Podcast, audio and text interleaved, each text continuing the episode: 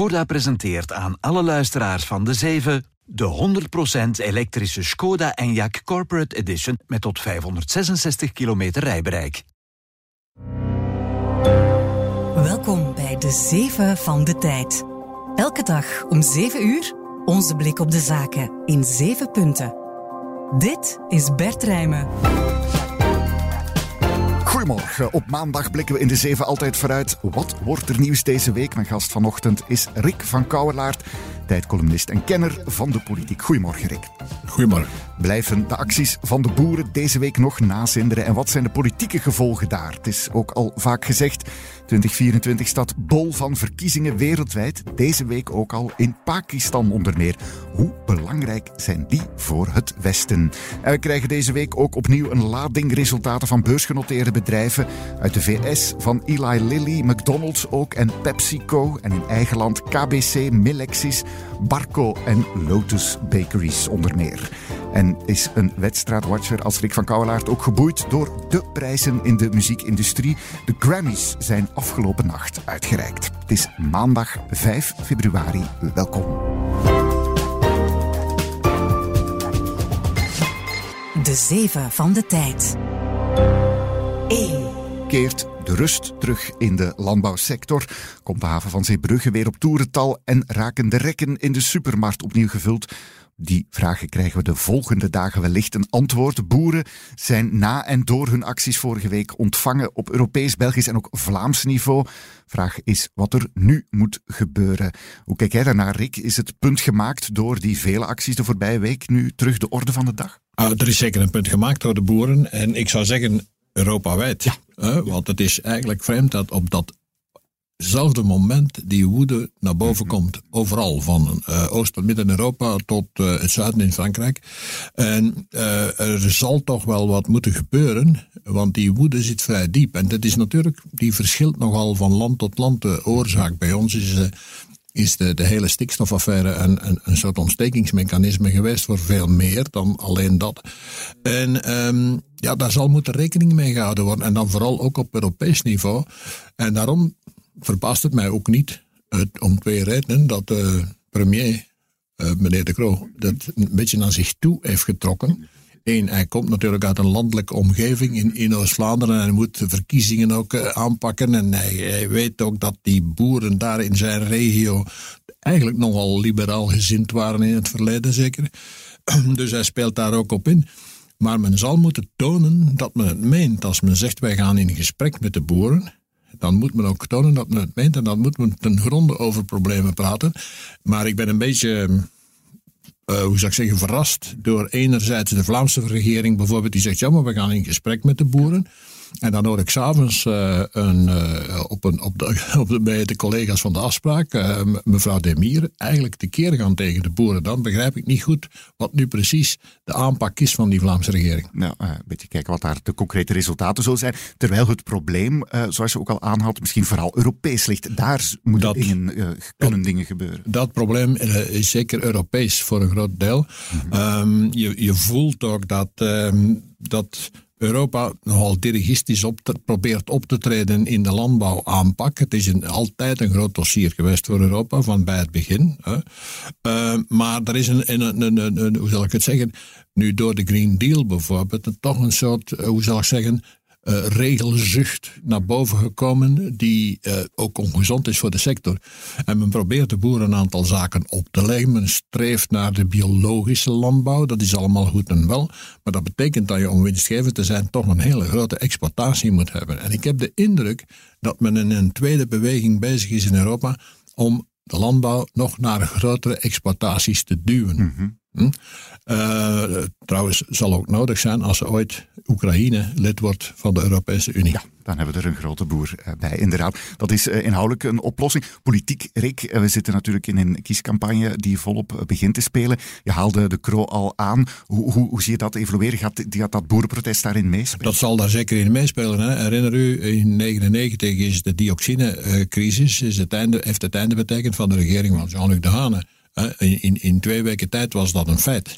De, die crisis uh, was echt een, een, ook een ontstekingsmechanisme. En ik denk dat dat hier gaat blijven aanhouden, omdat ja, het is in Vlaanderen niet te vergeten toch een hele belangrijke sector. En die sector dat is meer dan de boeren alleen. Dat is een, de agro-industrie, de distributie, noem maar op. Dat heeft er allemaal mee te maken.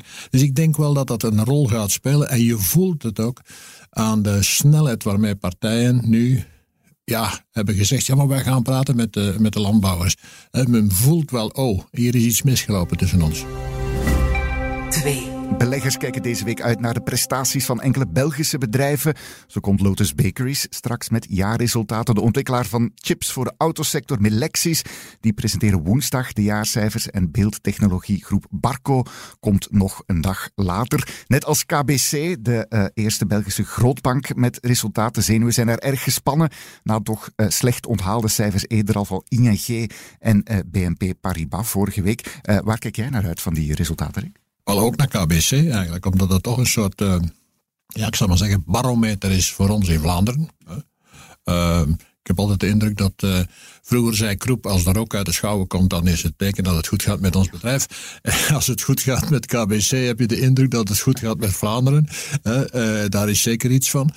Maar omdat die natuurlijk ook in een, hoe zou ik zeggen, in het bedrijfsleven zeer vertakt zijn en, en, noem maar op. Dus daarom kijk ik daar naar uit. Bovendien, uh, van, van het, het, het boeren, de, de, Zitten ook daar, ja. de landbouw, landbouw gesproken, is natuurlijk een bank die ook met de landbouw via de Boerenbond, de, de, de, de, de, zal maar zeggen, de financiële arm van de Boerenbond, ook zwaar gelinkt is in het landbouwleven. Ook vanuit de VS komen er deze week resultaten. De bekendste en grootste daarbij zijn hamburgerketen McDonald's vandaag, ook farmagroep Eli Lilly morgen en drank- en voedingsreus PepsiCo ook morgen. Bij McDonald's verwachten analisten dat de omzet en de winst in het vierde kwartaal met 9% zijn eh, gestegen. En bij McDonald's, Rick, daar, ja, daar speelt het eh, conflict in Gaza ook ergens een rol. Hoe zit dat?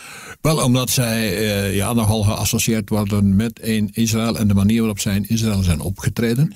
En dat maakt dat een aantal groepen, ook bij ons, Frankrijk, België, uh, eigenlijk McDonald's zijn gaan boycotten. En er zijn ook letterlijk manifestaties geweest tegen McDonald's. Uh, ja, dat is natuurlijk altijd, zou ik zeggen, bedenkelijk voor het imago van zo'n bedrijf als zij wereldwijd, of tenminste in het Westen, zoals nu gebeurt, worden aangepakt.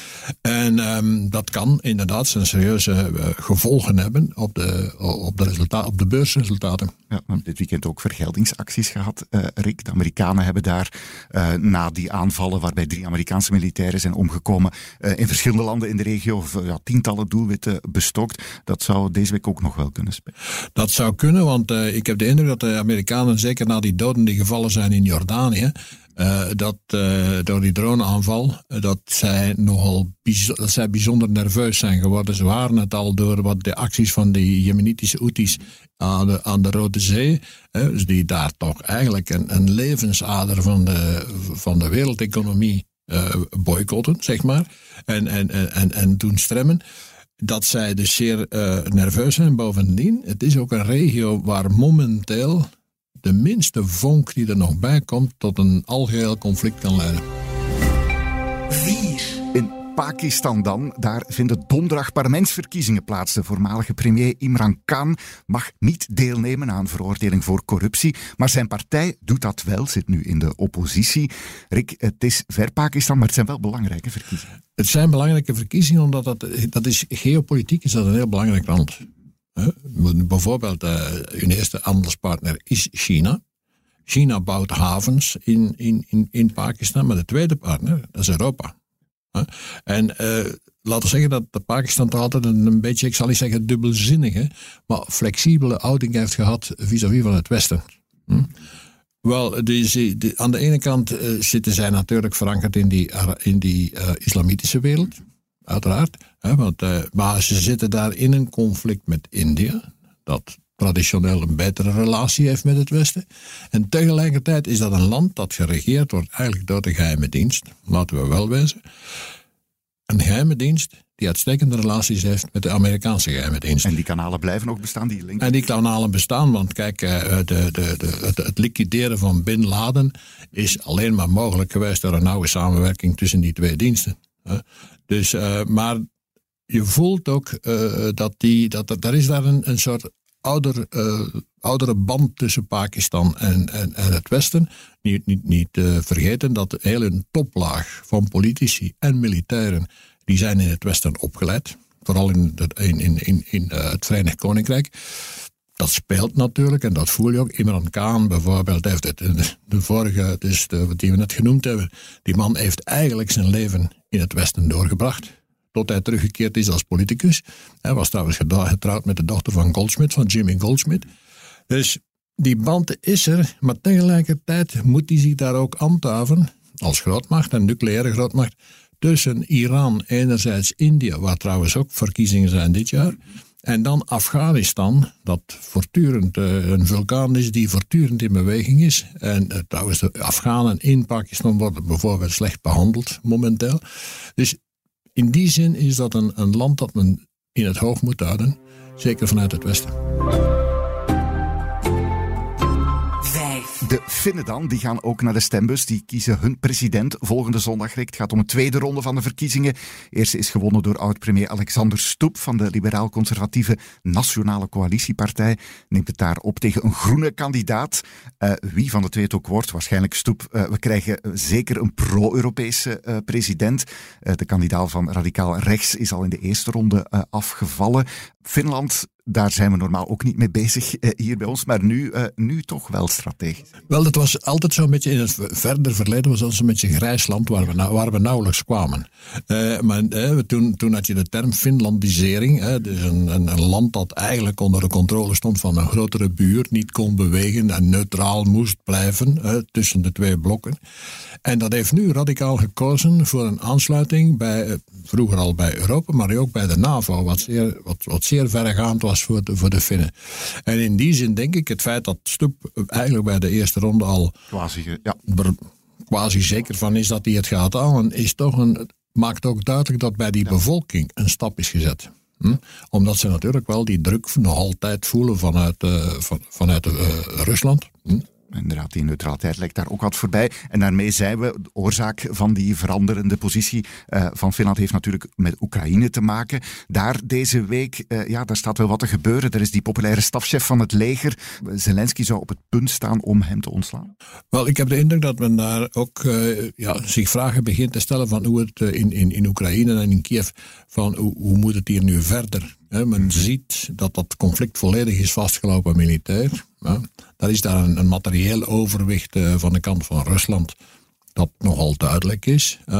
Um, en ik heb de indruk dat men daar ook stilaan verdeeld geraakt. Men is in Europa al langer verdeeld over hoe het nu verder moet. Maar ik heb de indruk dat dat ook stilaan in Oekraïne aan het gebeuren is. Hm? De voorganger van Zelensky bijvoorbeeld, die zegt pas op, je moet uit. Het, interview dat verschenen is bij ons in de krant in de tijd, zegt ja, maar je mag niet gedreven worden door weerwraak en door wraak. Dat is toch uh, veelzeggend al. Bovendien zit Zelensky met een mobilisatieprobleem heb ik de indruk. Hij heeft nieuwe mensen nodig. Dus hij heeft niet volk nodig om naar het front te sturen. Wat nu, de mensen die daar nu zitten aan dat front, die zitten daar al jaren, mhm. bij manier van spreken. Dus hij moet, hij moet kunnen mobiliseren. En ik heb de indruk dat dat iets is wat hij heel moeilijk op gang krijgt. Ook omdat, laten we wel wezen, veel van de jongere Oekraïners in het Westen zitten. Zes macro-economische cijfers van de OESO, de Organisatie voor Economische Samenwerking en Ontwikkeling, geeft deze voormiddag al een update van de vooruitzichten voor de hele wereldeconomie. Breed plaatje is dat. Rick ook benieuwd naar? Zeer benieuwd naar, vooral omdat we zien de jongste dagen wat er in eh, China aan het gebeuren is. Dus uh, toch, uh, dat zijn geen bemoedigende berichten die vandaar komen. Ik heb de indruk dat de, de, de Chinezen een paar ja, gigantische problemen hebben. Namelijk in, in hun vastgoedsector, om maar die te noemen, maar ook in banken. Ook in lokale overheden die een enorme schulden hebben. Dus dat speelt allemaal mee. En dat is een brandje dat gemakkelijk kan uitslaan naar de rest van Azië, maar ook naar de rest van de wereld. Dus in die zin is het, uh, is, het, is toch wel uitkijken naar wat OESA naar voren brengt. 7. En dan zijn we bij de Grammys aangekomen, want afgelopen nacht zijn die in Los Angeles uitgereikt, de belangrijkste Amerikaanse muziekprijzen. En het was daar vrouwen boven met heel veel genomineerde vrouwen, maar ook heel veel vrouwen in de prijzen. Plaat van het jaar, Miley Cyrus met Flowers. Nummer van het jaar voor de songwriters ging naar Billie Eilish, die schreef en zong What Was I Made For, titelsong ook van de film Barbie. Nieuwe artiest, beste nieuwe artiest moet ik zeggen, was R&B-zangeres Victoria Monet. Maar de grootste naam op de Grammys was natuurlijk Taylor Swift, die won met Midnights de prijs voor album van het jaar. Vierde keer al uh, dat ze die prijs wegkaapt. En dat is een uh, absoluut record. Beter ook dan alle mannen uh, voor haar. Ze won ook in de categorie Best Pop Vocal Album, de Grammy. Ze was in totaal zes keer genomineerd. Ben je ook een Swiftie, Rick? Uh, dat, dat, zou overdreven zijn. Ik ben blijf, muzikaal blijven hangen bij Chuck Berry. Maar het, het, fenomeen fascineert mij wel. Persoonlijkheid van het jaar in, uh, bij Time. En dan ook dat gigantische zakelijke imperium dat zich daar ontwikkeld heeft uh, rondom haar. Is toch wel fascinerend. het is ook vooral misschien een strafbusiness verhaal. Die juist, juist. Daarmee zit de eerste de zeven van de weken weer op. Dankjewel Rick van Kouwelaar voor je inzichten. Graag gedaan. Voor nu alvast een fijne dag voor iedereen en tot morgen. Dit was De Zeven met Bert Rijmen. Productie door Joris van der Poorten van op de redactie van De Tijd. Bedankt om te luisteren. Morgen zijn we er weer. Tot dan.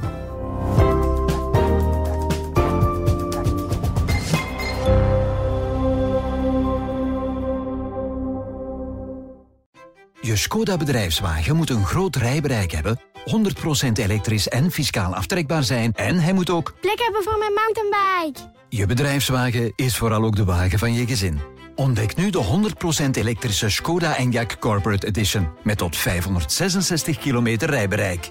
Meer info op promo.skoda.be of bij je concessiehouder. Skoda.